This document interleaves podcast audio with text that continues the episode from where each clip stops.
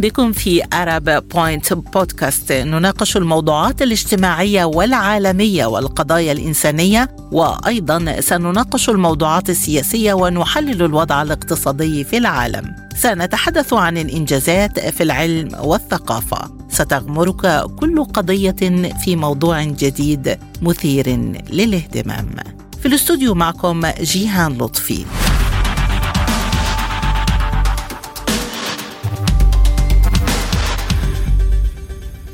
في حلقة اليوم نناقش ملامح خارطة التحالفات البازغة في الشرق الأوسط.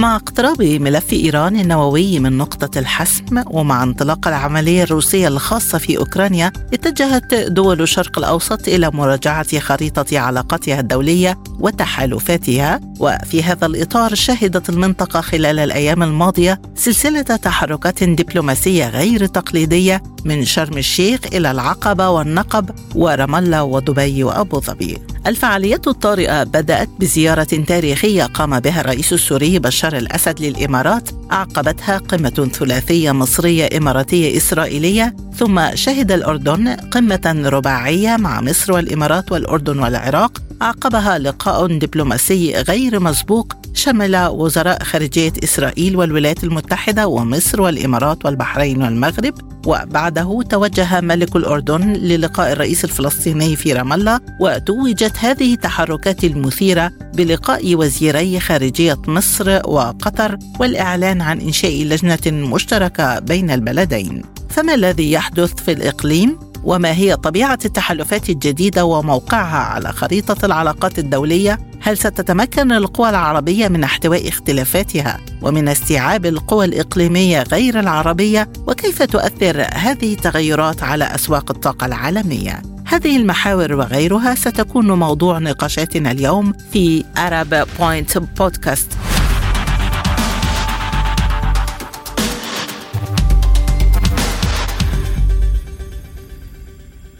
البداية من القاهرة ومنها ينضم إلينا الدكتور مختار غباشي نائب رئيس المركز العربي للدراسات السياسية والاستراتيجية. مرحبا بك معنا دكتور وبداية ما هي قراءتكم لتحركات الدبلوماسية غير التقليدية الأخيرة في الشرق الأوسط بدءا من زيارة الأسد للإمارات والقمة السداسية في النقب واللقاء المصري القطري وغيرها؟ يعني هل هناك ملامح لخريطة تحالفات جديدة في المنطقة؟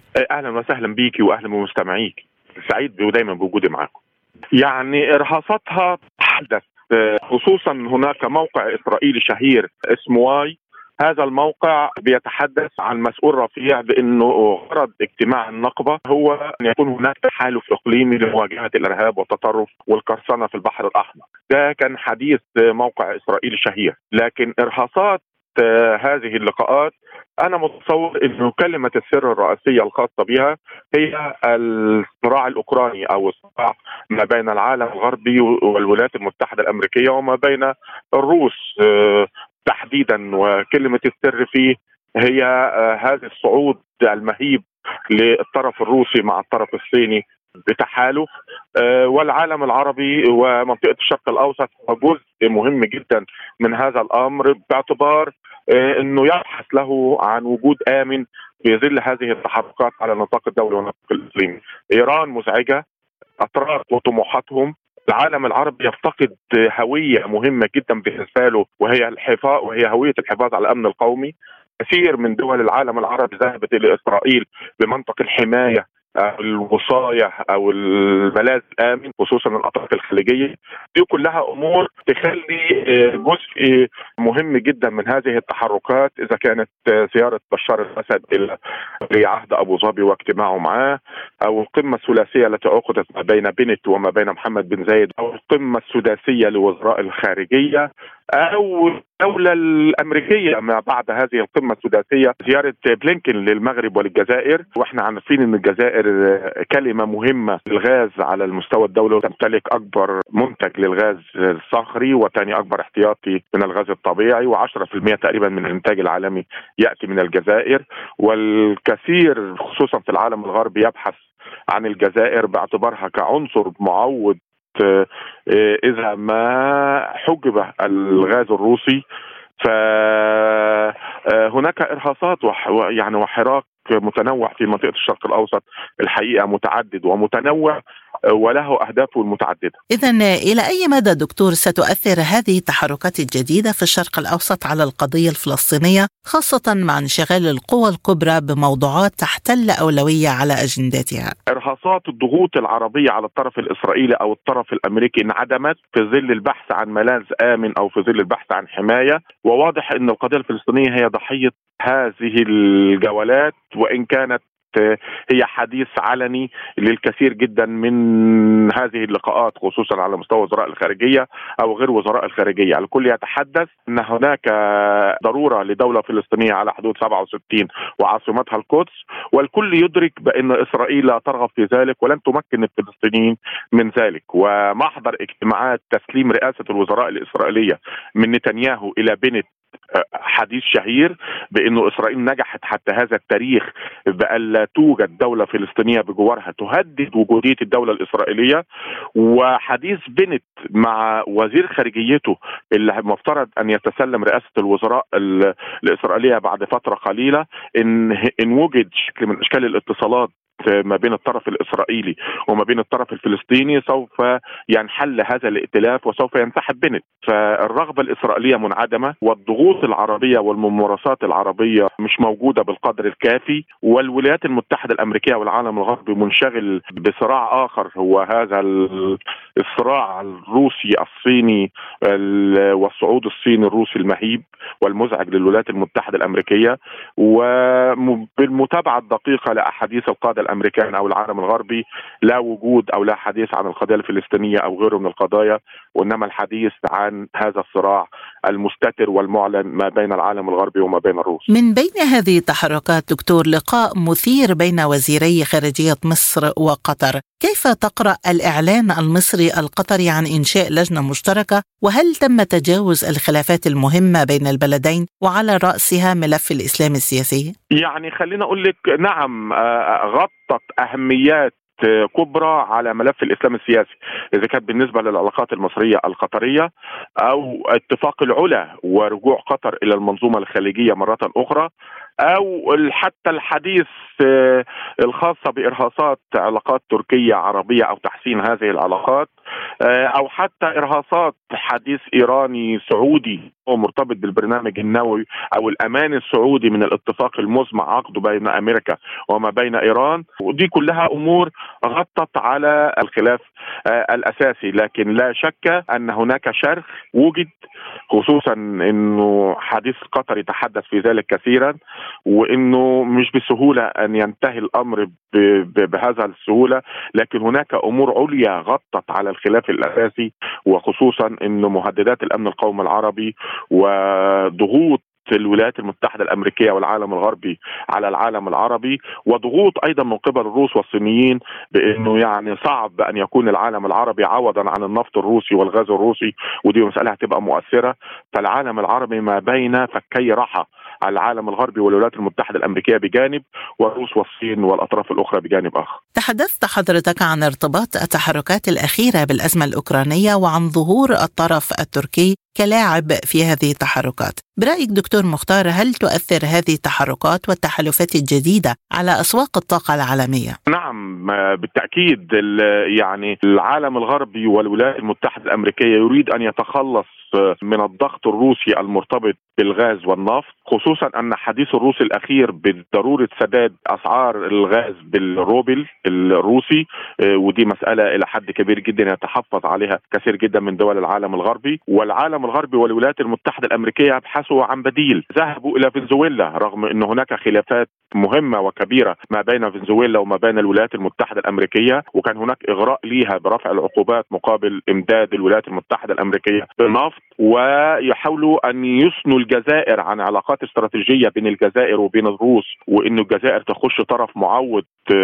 بغازها وإنه قطر تكون طرف وإنه إيران والاستجابة لكثير جدا من المطالب الإيرانية المتشددة الآن والمرتبطة برفع الحرس الثوري من قائمه الإرهاب أو رفع كامل العقوبات الافراج عن كامل الأموال لكي تعود إيران إلى السوق العالمي للنفط والغاز. دي كلها أمور تخلي إن موازين هذه السلعة الاستراتيجية ربما تتغير في المرحلة القادمة وإن كان الطرف الروسي ما زال ممسكا بها وما زال قويا فيها وصعب جدا على العالم الغربي أن يستغني عنها بسهولة. من القاهرة الدكتور مختار غباشي نائب رئيس المركز العربي للدراسات السياسية والاستراتيجية كنت معنا شكرا جزيلا لك.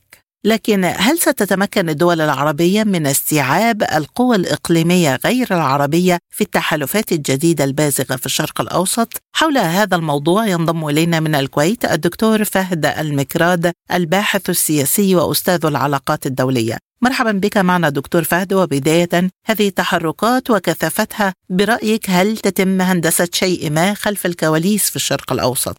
أهلا وسهلا حتى هذه اللحظة يعني كل الاجتماعات اللي آخرها طبعا عقدت في إسرائيل توحي بأنه هناك تحرك في الشرق الأوسط لمنع امتداد هذه الحرب الأوكرانية الروسية أن لا تمتد إلى بعض الدول التي ليس لها حدودا مع أوكرانيا أو مع روسيا، لذلك نعتقد أنه هذا الخطر أو هذا هذه الحرب التي تعتبر يعني في في الجزء الروسي أو في الحديقة حديقة أوكرانيا المطلة على روسيا إنه لا تكون لها امتدادات يعني في داخل الشرق الأوسط وبالتالي تكون المنطقة بعيدة عن بؤرة هذه الحرب وبالتالي تكون يعني اتخاذ إجراءات مشتركة بين هذه الدول لقراءة ما هو خلف الكواليس. ولكن دكتور هل تقود الإمارات قاطرة هذه التحركات الأخيرة في الشرق الأوسط؟ ولماذا غابت السعودية عن المشهد رغم ارتباط هذه التحركات بقرب تسوية اتفاق إيران النووي؟ أنا أعتقد أنه هناك أيضا علاقة مع المفاعل النووي الإيراني والاتفاق المجمع توقيعه بين الدول الخمسة الستة وبالتالي تكون يعني لها انعكاسات على الشرق الأوسط. ولكن اعتقادي إنه دولة الإمارات العربية المتحدة أيضا يعني تمثل نوعا ما السياسة السعودية بل سياسة مجلس التعاون الخليجي بشكل عام خصوصا في ظل المخاطر التي يتعرض لها هذه الدول من خلال قد يكون تهديدات محلية إقليمية وبالتالي ليس هو غياب للدور السعودي بقدر ما هو يعني الاستعانة أيضا بالدور الإماراتي لما تلعبه. من دور مهم في الخليج العربي. اذا مع صعود الخلافات العربية من آن لآخر واختلاف الرؤى بالنسبة للملفات الإقليمية، برأيك دكتور ما هي فرص تجاوز هذه الخلافات لصالح تحالفات إقليمية جديدة تكون مستقرة وفرص بقاء هذه التحالفات؟ أنا أعتقد يعني الحياد هو الجانب المشترك يعني خصوصا في مجلس التعاون الخليجي في الشرق العربي ولكن أيضا هناك جمهورية مصر العربية لما لها ثقل من ثقل عربي وتمثيل أيضا للاستراتيجية العربية بشكل عام وهي أيضا مع الحياد الإيجابي من أجل الوصول إلى حلول للجانب الجانب الخلاف الأوكراني الروسي وبالتالي بالمجمل يعني المنطقة العربية يعني تنحو إلى جانب الحياد الإيجابي أكثر مما هي تقف إلى جانب أوروبا أو جانب أوكرانيا في هذا النزاع. اذا إلى أي متى ستتمكن الدول العربية من احتواء القوى الإقليمية غير العربية في هذه التحالفات الجديدة؟ أنا أعتقد في الوضع الحالي هناك مقاومة عنيفة من الدول العربية لسياسة الاستقطاب الأوروبي الأمريكي في هذا النزاع الذي كثير من الدول العربية تعتبره شأن يعني روسي مع دولة مجاورة كانت جزء من الاتحاد السوفيتي السابق. حدودها الشرقية مطلة على الحدود الروسية. وبالتالي يعني هي راح تبقى دول بعيدة عن هذه التوترات. وسوف تقاوم كل سياسات الاستقطاب الأوروبي الأمريكي في المنطقة. الدكتور فهد المكراد الباحث السياسي وأستاذ العلاقات الدولية كنت معنا من الكويت. شكرا جزيلا لك. وحول علاقات دول الإقليم مع القوى الكبرى ورؤيتها للملفات الدولية المهمة ينضم إلينا من لبنان الأستاذ علي يحيى مستشار العلاقات الدولية. مرحبا بك معنا أستاذ علي. وبداية في ضوء التحركات الدبلوماسية الأخيرة في الشرق الأوسط هل نحن أمام خريطة علاقات دولية جديدة في الإقليم؟ وما موقع كل من إسرائيل وتركيا وإيران في هذه الخريطة؟ بداية تحياتي لكم وتحياتي للمستمعين. لا شك أنه منذ خلينا نقول النزعة الانسحابية الأمريكية اللي بلشت بال 2010 على وقت إدارة آه، أوباما باتجاه الشرق الأدنى. طبعا من الشرق الأوسط باتجاه الشرق الأدنى وبالتالي تراجع أهمية الشرق الأوسط قويا وجيوستراتيجيا بالنسبة للولايات المتحدة مما أدى إلى أن الولايات المتحدة تتخذ خطوات القيادة من الخلف ولم تتدخل في كثير من البلدان بلدان في الشرق الأوسط. وجاءت أحداث أو فلنقل جاءت أحداث جورجيا ب 2008 ودخول روسيا كدولة متمردة أو مغايرة أو تحاول هز أو تغيير النظام الدولي الجديد والمشاركة في القيادة العالمية إضافة إلى بروز الصين كقوة اقتصادية وإيران كقوة إقليمية تتجاوز حدود قوتها الحدود الوستفالية لإيران. هذه الأمور كلها وإضافة إلى ما يحدث حاليا في أوكرانيا بعد انطلاق العملية العسكرية الروسية لمنع إكمال طوق الناتو آه، عند حدودها. وأيضا نحن أيضا على بعد أيام من العودة إلى الاتفاق النووي آه، الإيراني. هذه الأمور كلها طبعا تدفع دول عديدة إلى إعادة التموضع وأقصد دول عديدة في الشرق الأوسط إلى إعادة تموضع جديدة بعد فقدان الثقة نسبيا بالولايات المتحدة التي كانت تعتبر الحليف الوثيق لهذه الدول بسبب أمور عديدة منها أيضا حرب اليمن وعدم مشاورة هذه الدول وأخذ مخاوفها بعين الاعتبار بما يخص أيضا الملف النووي والإيراني، من هون عم نشوف آه، الاجتماع الذي عقد في النقب وإن كان وزير الخارجية المصري أعلن إنه هذا الاجتماع ليس اجتماع أمني ولا يهدف إلى تشكيل حلف أمني أو ناتو عربي موجه ضد إيران إنما يهدف إلى مناقشة التطورات الجديدة والتبادل المعرفي والتكنولوجي بين هذه آه، الدول.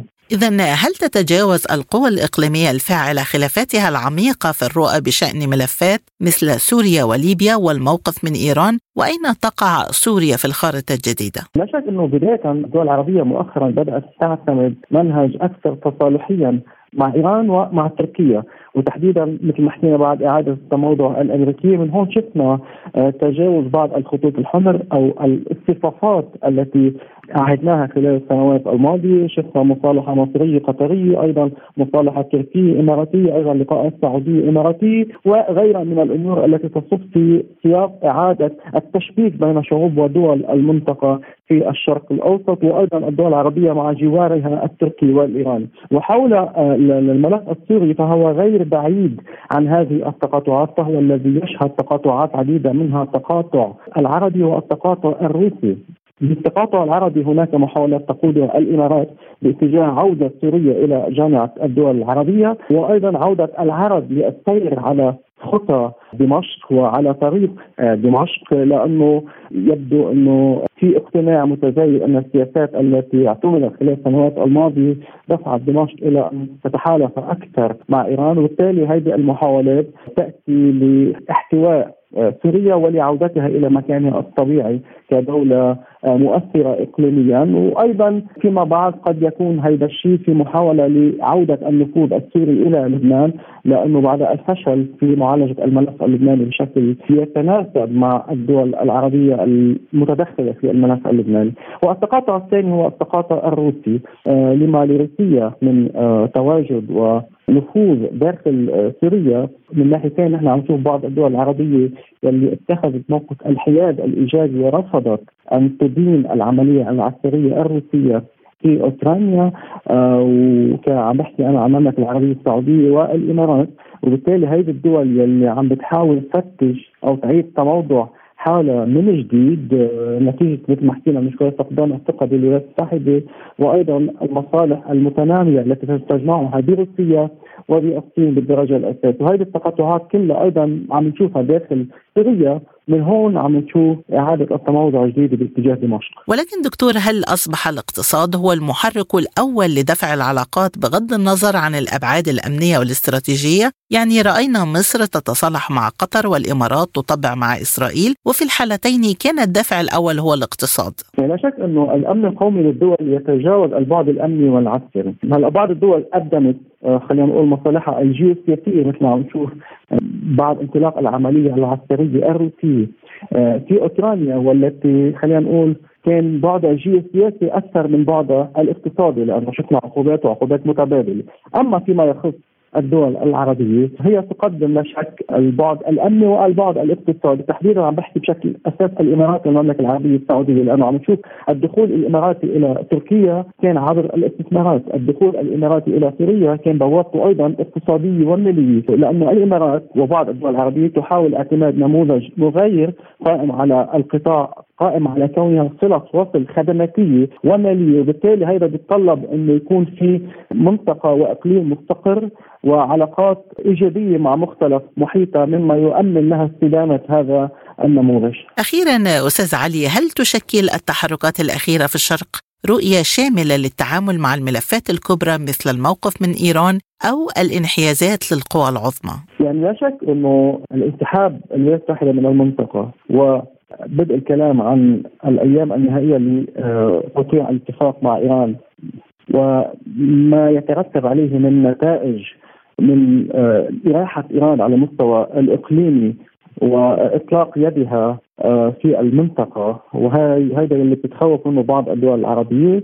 آه، لكن آه، في محاولات من جهة أخرى من الإيرانيين لطمأنة هذه الدول وللتشبيك معها. وهناك أيضا محاولات من هذه الدول لعودة التفاعل الإيجابي مع إيران. لكن وبنفس الوقت تمكين تحالفات بعض هذه الدول مع إسرائيل لما يمكن أن تؤمنه من رادع ومن ملء لهذا الفراغ لأنه مثل ما عم نشوف إنه بعد انسحاب القوى العظمى من المنطقة في فراغ استراتيجي عم بيكون. وبالتالي من هو الأقدر على ملء هذا الفراغ؟ هو الدول الأكثر قدرة ماليا وعسكريا.